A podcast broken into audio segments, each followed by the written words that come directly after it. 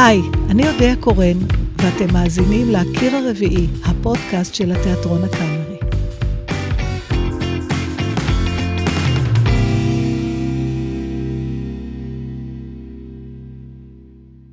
אז מהו הקיר הרביעי, אתם שואלים? הקיר הרביעי הוא מושג מעולם התיאטרון שמתייחס לאותו קיר בלתי נראה לעין, קיר שמפריד בין הקהל לבמה. אותו קיר דמיוני שמשני עבריו מתקיימת מערכת היחסים המופלאה שבין השחקנים לקהל. מערכת יחסים המבוססת על שקר הדדי. אנחנו השחקנים נעמיד פנים שאתם לא שם, ואתם תאמינו לנו שאנחנו הדמויות שאנחנו מגלמים. בפודקאסט שלנו נרים את הקיר הרביעי, ונאפשר לכם להציץ למה שבדרך כלל סמוי מן העין עבורכם. החוטים מהם ערוג העולם המחושף הנקרא תיאטרון.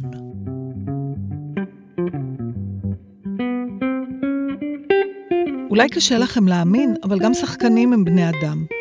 כשמסתיימת ההצגה והורדנו את האיפור, אנחנו כמו כולם, אוכלים, ישנים, לוקחים משכנתה, מתאהבים, דואגים, חיים רגילים. לא מן הנמנע שתצאו מההצגה והשחקן בכה את נפשו ותפגשו בו חצי שעה אחרי יושב בפאב עם חברים שמח ועליז. וטוב שכך, אחרת שחקן המגלם את אוטלו היה חונק באמת את השחקנית המגלמת את דסדמונה, ואת מדיה היו מאשפזים באברבנל. אבל לפעמים החיים מחלחלים לתפקיד. לפני כמה שנים שיחקתי בהצגה רישיון לחיים. גילמתי שם את בתה הכנועה של מרים זוהר, ניצולת שואה קשה ומרה, המתעמרת ומסרסת את בתה הילדה. כבת לאימא ניצולת שואה בעצמי, חשבתי שיהיה לי קל לשחק את הילדה. המשפטים שלה היו המשפטים שלי. את חלקם אמרתי, את חלקם חשבתי, ואת חלקם רציתי להגיד ולא הספקתי. באחת החזרות אפילו הבאתי למרים זוהר את התיק של אימא שלי. חשבתי שזה ידביק סופית את החיבור שלי לדמות. זה היה נורא. חטפתי שיתוק, לא יכולתי לדבר, לא לשחק, ואפילו לזכור את הטקסט לא יכולתי. זה היה קרוב מדי. הבמה לא אוהבת קרוב מדי. צריך שטח ניטרלי מסביב לדמות, שטח פירוז שבו לא אכפה על הדמות את עצמי.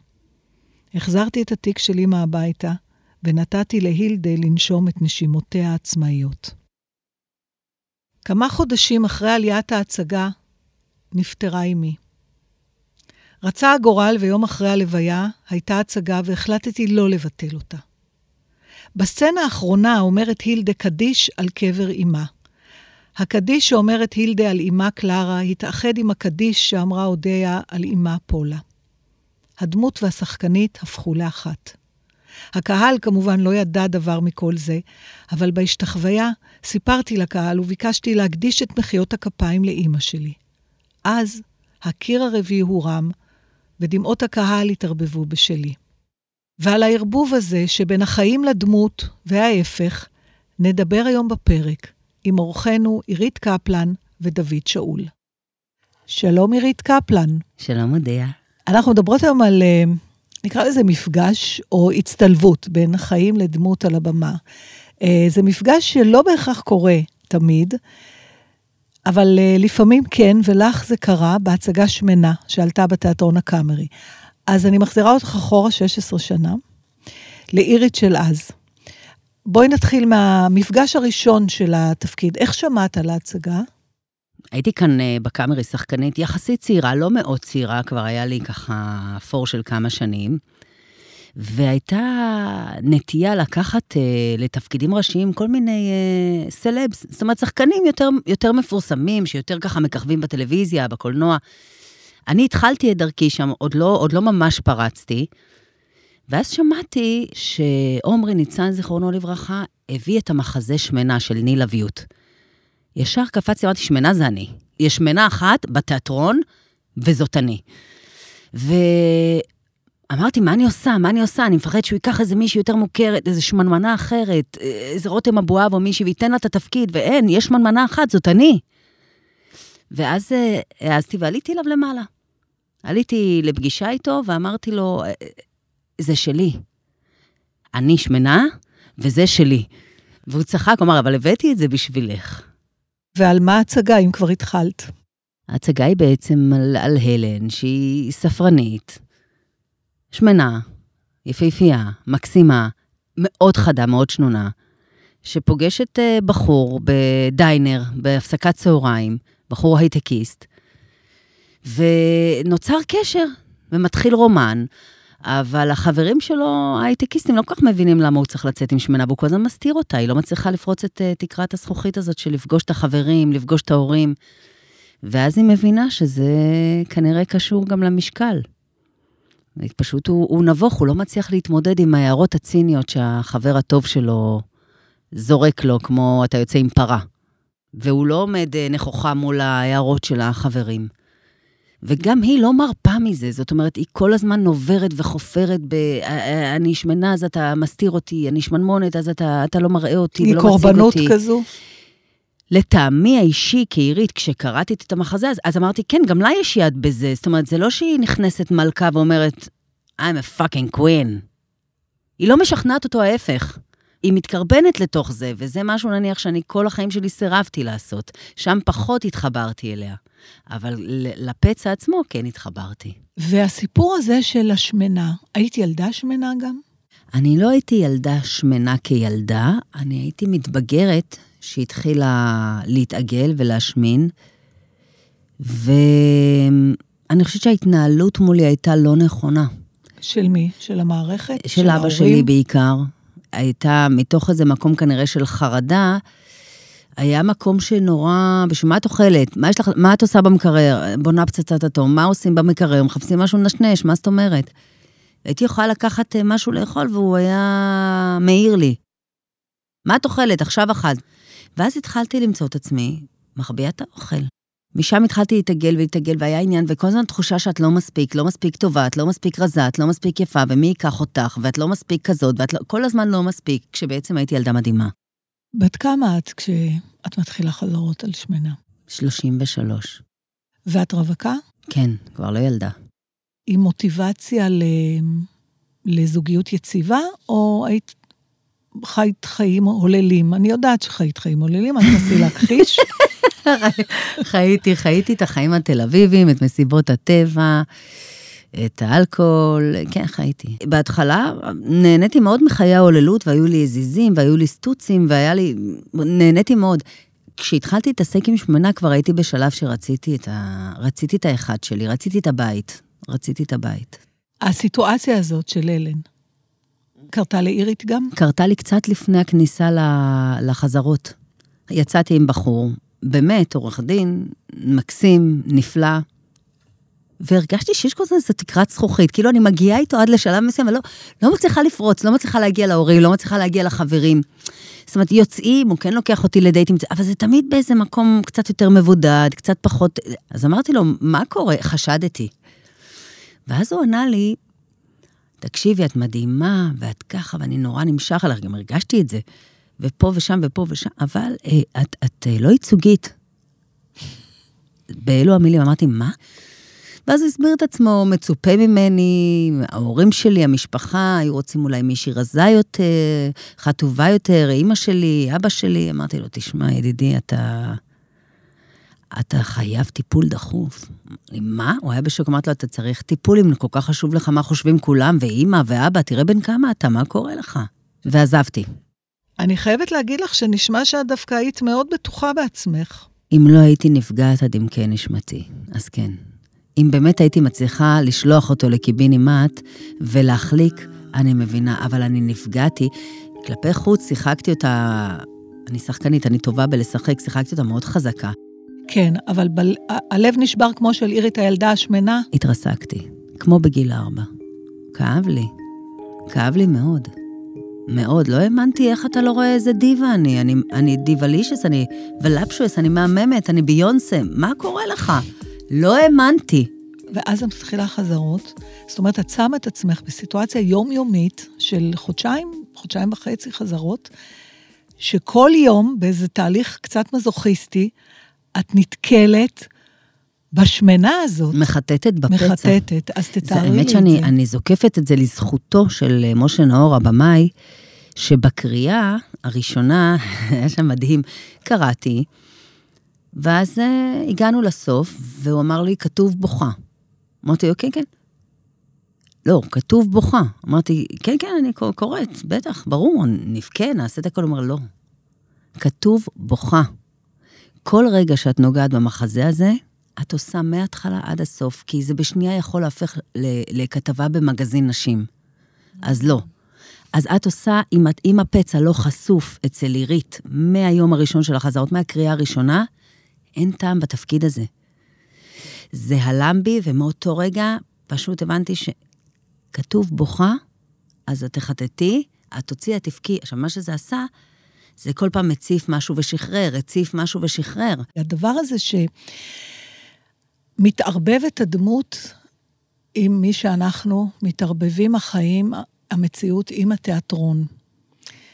אה, את גומרת החזרות, בשתיים סיימת חזרות, את חוזרת הביתה, את סוחבת את השמנה הזאת איתך. כן, חד משמעית, גם בהצגות אה, הראשונות. זה לא זה קורה ראשון? לנו תמיד. אני לא, חייבת לא. להגיד למאזינים שלנו שזה הרבה פעמים אנחנו מנתקים, מגלמים דמות, משתמשים בדברים שיש לנו, אבל נגמר ואנחנו פה. לגמרי, אם היא מספיק I... רחוקה, אז כן, אבל פה זה ממש היה אחד לאחד אני. כשהתחלנו לשחק את ההצגה, אה. קלטתי שנגמרת ההצגה, כולם הולכים הביתה, גלם, גלם, הפי, הפי, ג'וי, ג'וי, מחיאות כפיים, אה, אה, תרועות והרעות, הולכת הביתה ובוכה את נשמתי, זה לא מרפא. מה לא פש... מרפא? מה זה הלא מרפא? הלן, העלבון הזה, העלבון שהוא משאיר אותי שם, הרי בסוף ההצגה, הוא אומר לה, היא אומרת לו, אני, אני, אני אעשה דיאטה, אני ארזה, אני פה, אני, אני מאמינה במה שיש בנו. היא ממש מוכרת את נשמתה, והוא אומר, אני לא יכול. הוא בוכה, והיא, הוא הולך, והיא, מה שנקרא, קורסת לתוך עצמה, עולם שלם קורס לתוך עצמו, ובוכה, מתקפלת שם על הבמה. וזהו, זה סוף ההצגה, הוא לא סוף אופטימי בכלל. ואני הולכת עם תחושת הקבס הזאת, עם התחושה האיומה, ויש לי בחילה, ו- ואני בוכה, ואני קשה לי נורא להפסיק את זה. ו? ואז לאט לאט זה מפסיק. התחלתי לצאת עם עוד בחורים תוך כדי שההצגה רצה, ולאט לאט זה נתן, לא יודעת, זה נתן לי איזה, איזשהו כוח. את יודעת, הוצאתי את זה ואז אמרתי, רגע, זה לא כזה נורא, אני עדיין מהממת מקסימה וסקסית. החיטוט הזה בפצע כל הזמן גור... גרם לי ממש להגיד, אה, היי, אבל את מה זה מוצלחת? ובסוף, יש אחלה מחיאות כפיים. והנה פה גיא פינס, והנה פה הצטלמת בעירום לשער של את, ואמרת, הנה, זאת אני, והנה פה עשית זה. ומה שקרה לי, מה שקרה לי מההצגה הזאת, זה שגם בקריירה הטלוויזיונית שלי, התחלתי לפרוץ. אז זה פתאום פתח משהו. משהו נפתח זה שם. קורה לפעמים. בטח. לקחתי את החומה הכי גדולה, ואמרתי, אוקיי, אני שמנה.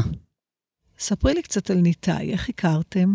הוא ידע הכל עליי, הוא עקב אחרי שנתיים. מהרגע שהוא נדלק עליי ועד שהוא פנה אליי, הוא נתן לי להירקב. הוא ראה אותך במקצוע, הוא ראה אותך כן, הוא ראה אותי במקצוע, הוא ראה אותי... ומצאת. חן בעיניו, אבל. הוא לא ניגש. את ידעת עליו, על קיומו? אני לא הבנתי מי הוא, רק קיבלתי כל הזמן מסרים דרך עופר שכטר. של יש לי חבר במאי, ואת בול הטעם שלו. עכשיו, לא כל כך הצלחתי להבין, הטעם המשחקי, הטעם האישי. ואז הוא מתקשר? ואז הוא מתקשר, וניתאי כמו ניתאי, אין, אה, אין פילטרים. אהלן, מה העניינים? אה, אני רוצה שניפגש היום, מה את עושה היום בערב? לא, יש לי הצגה בבת ים, יופי, שיורידו אותך אחרי באונמי. ביי. כזה. ככה. כן. אני אומרת, אוקיי, אהבתי. אהבתי שאני לא לוקחת את המושכות, שבא mm. גבר ואומר, אה, מתוקה, מתי את מסיימת? פה ופה ופה, ניפגש, ביי. אהבתי את זה. ואז אה, הגעתי לדייט. את לא ידעת איך הוא נראה? לא ידעתי איך הוא נראה, וראיתי חתיך כזה בחוץ, אמרתי, יו, הלוואי וזה הוא. עם סיגר, ואמרתי, יו, הלוואי וזה הוא. ואז אמר לי, עירית, אמרת לו, איזה יופי שזה אתה. והרגשתי בבית, ישבנו על הבר, תקעתי, הייתי רעבה. והרגשתי שזה נורא טבעי שאני תוקעת והוא תוקע, וזה לא נראה לי מוזר. זאת אומרת, אכלת, אכלת עם כל הלב, אכלת לא עם כל הלב, ולהפך. סלט וזהו. הוא, הוא גם, הייתה תחושה של הוא מהצלחת שלי, אני מהצלחת שלו. הרגיש לי פתאום כאילו הגעתי לאיזה בית, ואמרתי למיכל, היא חברה הכי טובה שלי, אמרתי לה, תשמעי, אני לא יודעת מה יש בו, אבל אני יודעת שאין את זה לאחרים. אני עוד לא יודעת מה יש שם, אבל היה לי ערב קסום. ואז הוא שלח לי איזה הייקו, איזה שיר כזה קצר, אחרי שנפרדנו. כן. יפני, ואמרתי, טוב, זה או אשפוז או חתונה הדבר הזה. כשהיית יוצאת לדייטים, אוכל היה אישו? כי הרבה, הרבה פעמים נשים מתארות שהן לא יאכלו את הסטייק שבדרך כלל בא להן. כן, זה היה לי מביך. היה לי, רק בגלל אוכל? שאת שמנה? כן. או... כן, לא היה לי נוח Mm. לאכול עכשיו פסטה וכזה. כן, אני משערת שכן, ויותר היה מביך, האישו זה היה כיסאות בר, את יודעת? חרדה מכיסאות בר שלא יישברו. ופעם אחת רצה אלוהים וישבתי על כיסא בר והוא נשבר. אבל אם ניתה אכלת. חופשי. ראיתי איך הוא מסתכל עליי, המבט שלו היה אה, עוטף ברמה של אני ארוס עלייך, אני כבר שנתיים עוקב אחרייך, כזה. ואת בעצם אה, מנהלת רומן יציב, אהבה, במקביל להצגה. נכון. כלומר, ככל שהיחסים של אלן ערב-ערב מתפרקים בגלל שהיא שמנה, אצלך אה, הולך וצומח משהו חדש. ויותר קשה לי לבכות גם. זהו, רציתי לשאול אותך אם זה פגע בסוף ב... יותר קשה לי. ופתאום אני לא בוכה אחרי שאני אה, נגמרת ההצגה, מנגבת, מחייכת, יוצאת לדייט עם ניתאי, או הולכת הביתה לשדרות חן, את יודעת, להתקרבל. משהו קרה.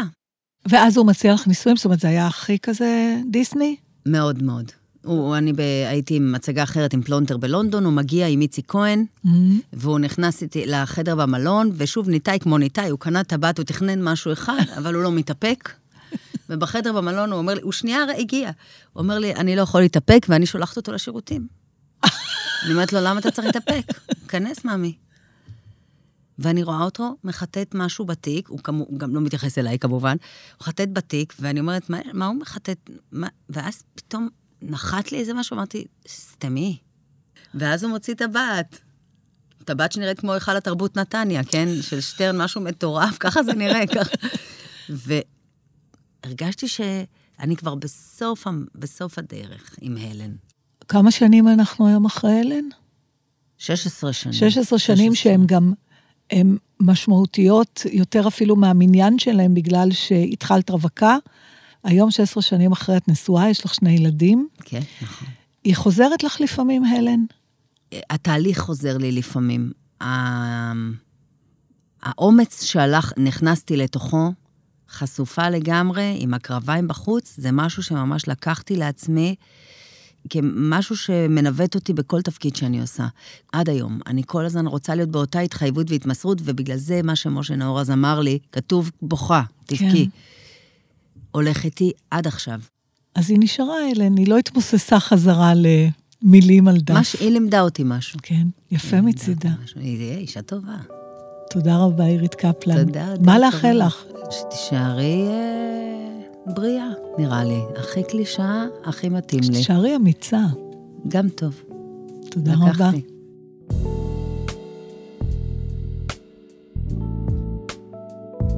הדמות של הלן חלחלה לחייה של עירית במידה מסוימת, שינתה אותה ועיצבה אותה מחדש. החיטוט הזה בפצע האישי הוא מורכב וגם חריג. דיפוזיה כזאת של דמות כתובה על החיים עצמם קרתה גם לדוד שאול, בהצגה שמוצגת היום על בימות הקאמרי, פיקוח נפש, מחזה שכתב תומר רוזנמן וביימה הדר גלרון, ובה משחקת בתפקיד אמו של דוד אחת, אודיה קורן. שלום בני היקר, שלום, אמא. דוד שאול, אודיה קורן. משחק את בני. ב- תמיד נור- נורא בא לי להגיד לקהל, תקשיבו, זה רק בהצגה, במציאות, אני לא עד כדי כך יותר מבוגרת ממנו, ואז אני קולטת שכן. נכון. אנחנו הולכים לדבר היום על פיקוח נפש, יאללה. ו- ועל הדמות שלך, של עזריאל.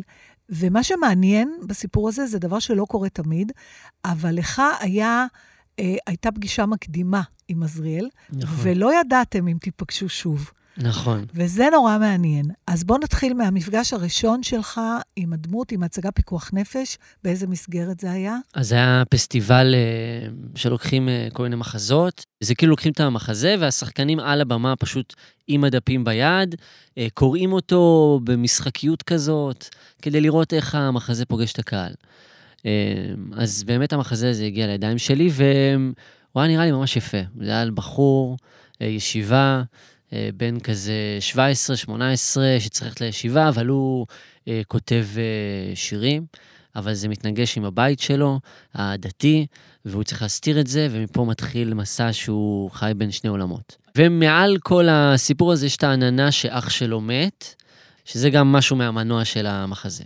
אז זה החומר שמגיע לידיים שלי, ואני אני מאוד מתלהב, כי אני מתחבר לזה מזה שאני גם עושה מוזיקה, ואני גם בתיאטרון, ואז אמרתי, טוב, אני, אני, זה מדבר אליי, אני עושה את זה. עושה את זה, אני רוצה רק להסביר למי שמקשיב לנו, ב, ב, כשקוראים מחזה בפורמט כזה, מדובר בדרך כלל בפעם או פעמיים, עושים לו יותר מעשר חזרות, זה לא נכון. כמו עבודה על הפקה מלאה. זה סטוץ אה, סטוץ, בימתי, סטוץ, לגמרי. נכון? אין התחייבויות, לגמרי. אין מחויבות אחרי. אבל אני נדהמתי לגלות שהסטוץ הזה מאוד אה, נגע בי. זה פשוט מחזרה לחזרה התחיל לשאוב אותי יותר ויותר, עד שמצאתי את עצמי פשוט בלילה מתחיל לנתח את הטקסטים, כותב לי הערות. התאהבות כן, עם מישהו שנשאר לו כן. זמן קצוב להיות לידך. בדיוק. ו... ואז זה עולה, ואני מרגיש רטט כשאני עולה לבמה בפסטיבל הזה, אני מרגיש שזה רטט עם הקהל, משהו שלא חוויתי שנים. והרגשתי שזה, אין מצב שהדבר הזה הולך להיעלם. אה, אז זה המפגש הראשון שלי עם המחזה, בעצם. ואז יום אחד, אה, התקשר גלעד, התקשר גלעד ואמר לי, דוד, שמע, אנחנו רוצים להעלות את המחזה ושתשחק את עזריאל. אבל בינתיים אתה במקום אחר. בינתיים בחיים. אני, החיים שלי השתנו, מן הקצה לקצה. אמ, אחותי נפטרה באותה שנה, שזה השנה בעצם. אה, היא נפטרה מאוד צעירה, אה, בהפתעה. אני הייתי אחרי חודשיים של אבל, שזה מאוד מאוד טרי, ואז אני מקבל את השיחה מגלעד. הוא אומר לי, שמע, אנחנו רוצים לעלות את המחזה. ואני נזכר שהמנוע של המחזה זה, זה בעצם שאח שלו מת, ועזריאל, הוא סוחב את המוות הזה איתו, אה, וזה המנוע שלי בעצם. ופתאום אני קולט כמה הדמות מתחברת לי לחיים. וזה מעורר השראה או זה מפחיד? זה, זה שני הדברים. מצד אחד אתה אומר, וואו, איזה יקום מטורף. מצד שני, זה מבהיל אותך, כי אתה אומר, כאילו, מה אני אמור לעשות? כאילו, היה לי גם פחד של בכלל להגיע לחזרות. אני זוכרת כי אתה פתחת את זה כן. איתנו בחזרות. אני לא ידעתי, אה, כן. למשל, על האסון שפקד אתכם, כן. ואתה לא סיפרת, רק אמרת, אני לא בטוח, יהיו רגעים שאני לא אוכל להמשיך, אני אצטרך לצאת, ואני מבקש שתבינו. כן, ורק כי... אחר כך רמזת על מה זה. אז אה, אני, אני יכול להיות שיהיה לך קשה לענות לי, אבל אני רוצה שאם אתה יכול, כן, להיכנס איתי לתוך הדבר הזה. מה זה הקושי הזה? ממה פחדת שיהיה? זה מעניין, כי כאילו אני בא לחזרות, אני רוצה להציב רף. אני רוצה אוקיי. להציב רף של טוטליות, של um, לחדור לעומק של הדבר, אבל אני, דוד, הפרטי, לא השחקן המקצועי, הוא כרגע מסוכסך עם עצמו, עם העולם, הוא שונא הכל, הוא לא רוצה לדבר עם אנשים בכלל. אני, לא את יודעת, כשהתחלתי את החזרות, לא, עוד לא יצאתי מהבית. לא נפגשתי עם בני אדם בכלל. ללכת לחנות קשה לך. אתה מרגיש שהכל הוא too much, אתה מאוד פצוע, ואתה מאוד חשוף, כל העור שלך, הכל חשוף, העצבים. אבל פה אתה מתאר קושי שהיה יכול להיות מול כל דמות. אבל בעזריאל היה גם באורח מפחיד, כמו שקוראים כן, לפעמים, אותו ה- אלמנטים כמעט אחד לאחד. כמעט אחד לאחד לגמרי. כן. ואז מה הפחד? שתשתגע, שתאבד את הגבולות, אמ, שלא תשלוט? לא, הפחד הוא באמת שאני...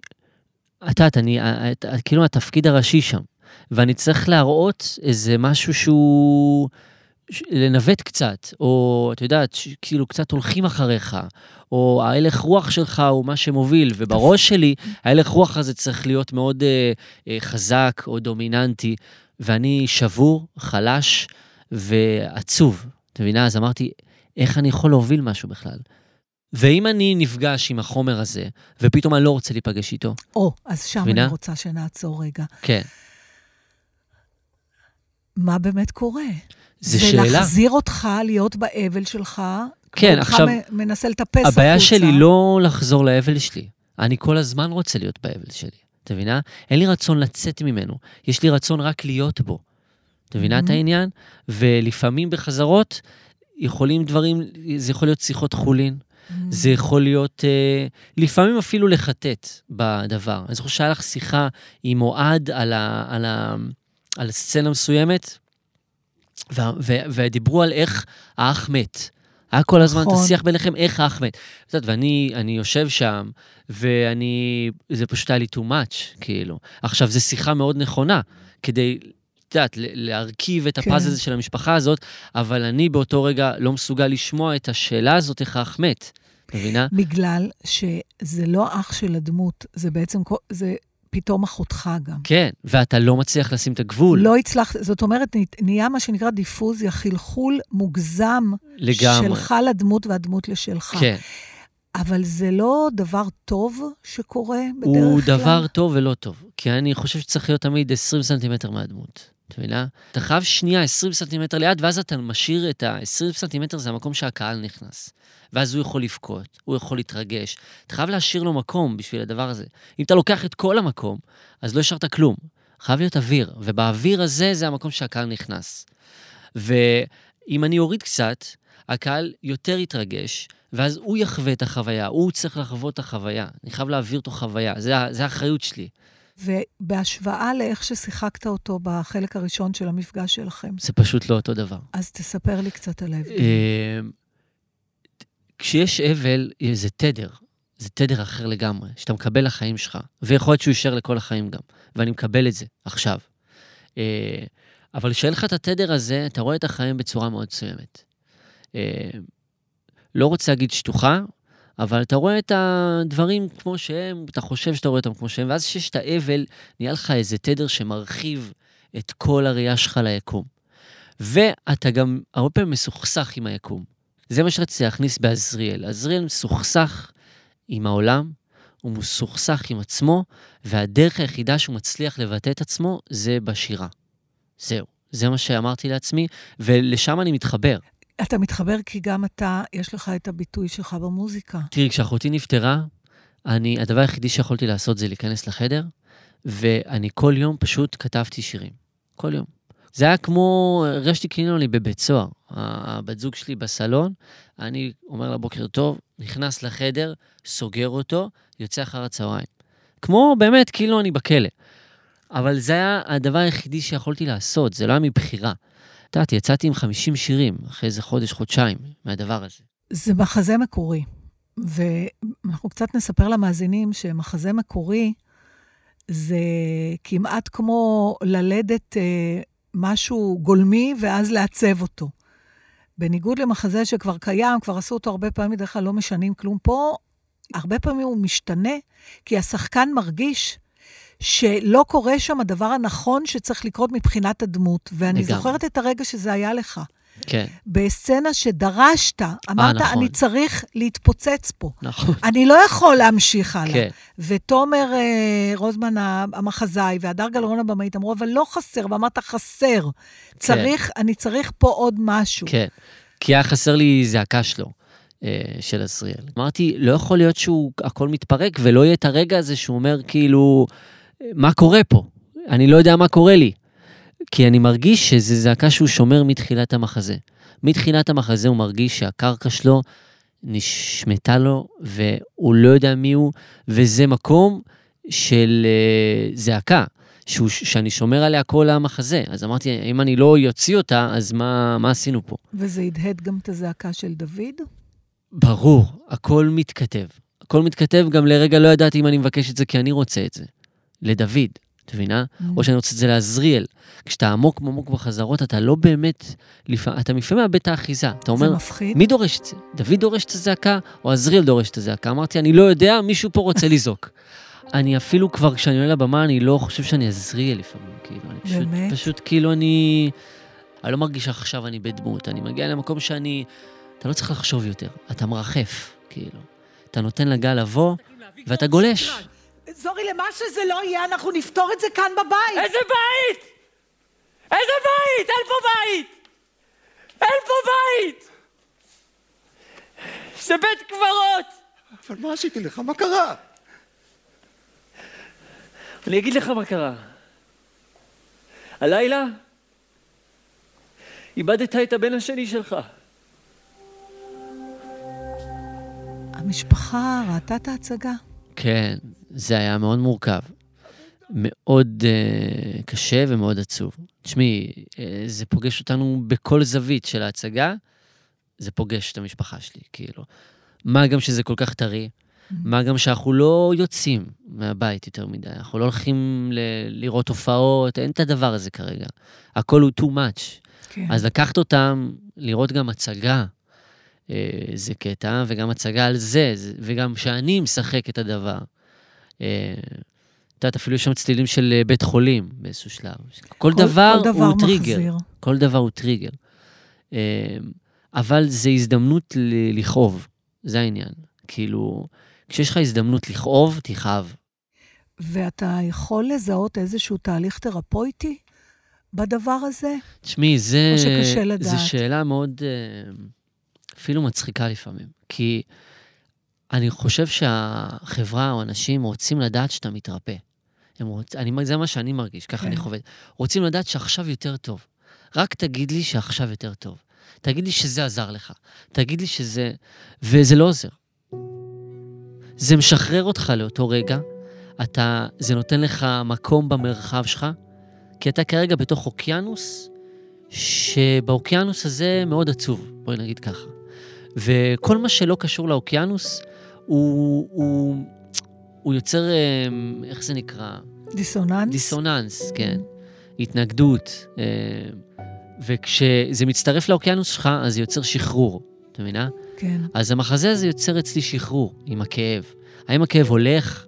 לא, הוא פשוט מקבל ביטוי, להוציא הכל אתה החוצה. חושב שאתה משחק את עזריאל היום יותר טוב מששיחקת אותו בקריאה בגלל האסון שקרה לך? אין ספק. בקריאה לא שיחקתי את עזריאל עכשיו שאני חושב על זה. כאילו, חשבתי שאני מבין אותו.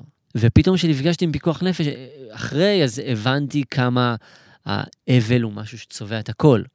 זה משהו שלא הבנתי עד הסוף בקריאה כן, הראשונה. אבל מה שזה אומר, אני משקפת לך את זה, וזה כן. אולי החלק המטורף במקצוע שלנו, שהאסון שקרה לך, והאבל כתוצאה, והטלטלה של חייך, הפכו אותך, לפחות במקרה של ההצגה הזאת, לשחקן טוב יותר, אני... או לאומן טוב יותר. האם היה שינוי כזה גם במוזיקה, דרך אגב? זה מטורף. אני בדיוק על זה עכשיו, כאילו.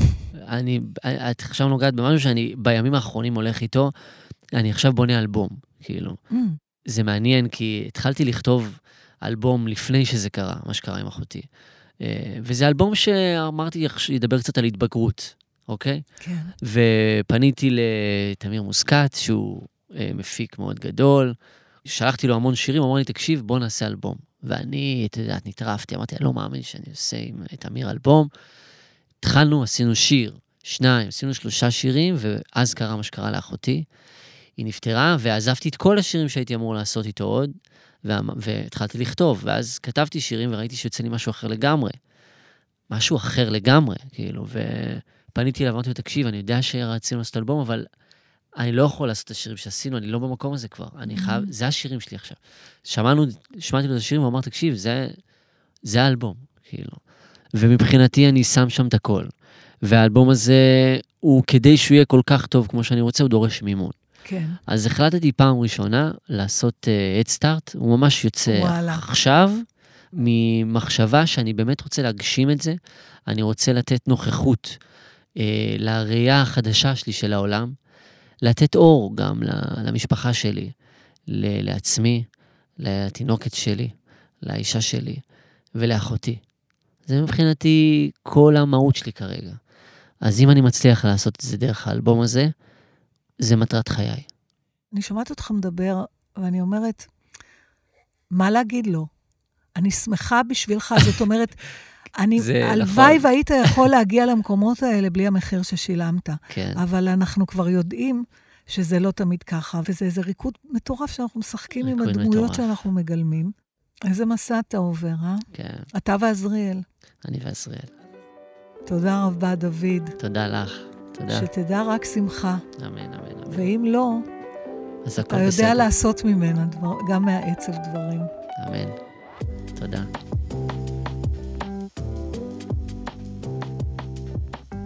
האזנתם ל"קיר הרביעי", הפודקאסט של התיאטרון הקאמרי. את הפרק ערכו והפיקו עדי חצרוני ורוני ארניב. תודה גם לאסף בר ולמחלקת הסאונד של התיאטרון. אני הייתי אודיה קורן, ניפגש שוב בפרק הבא.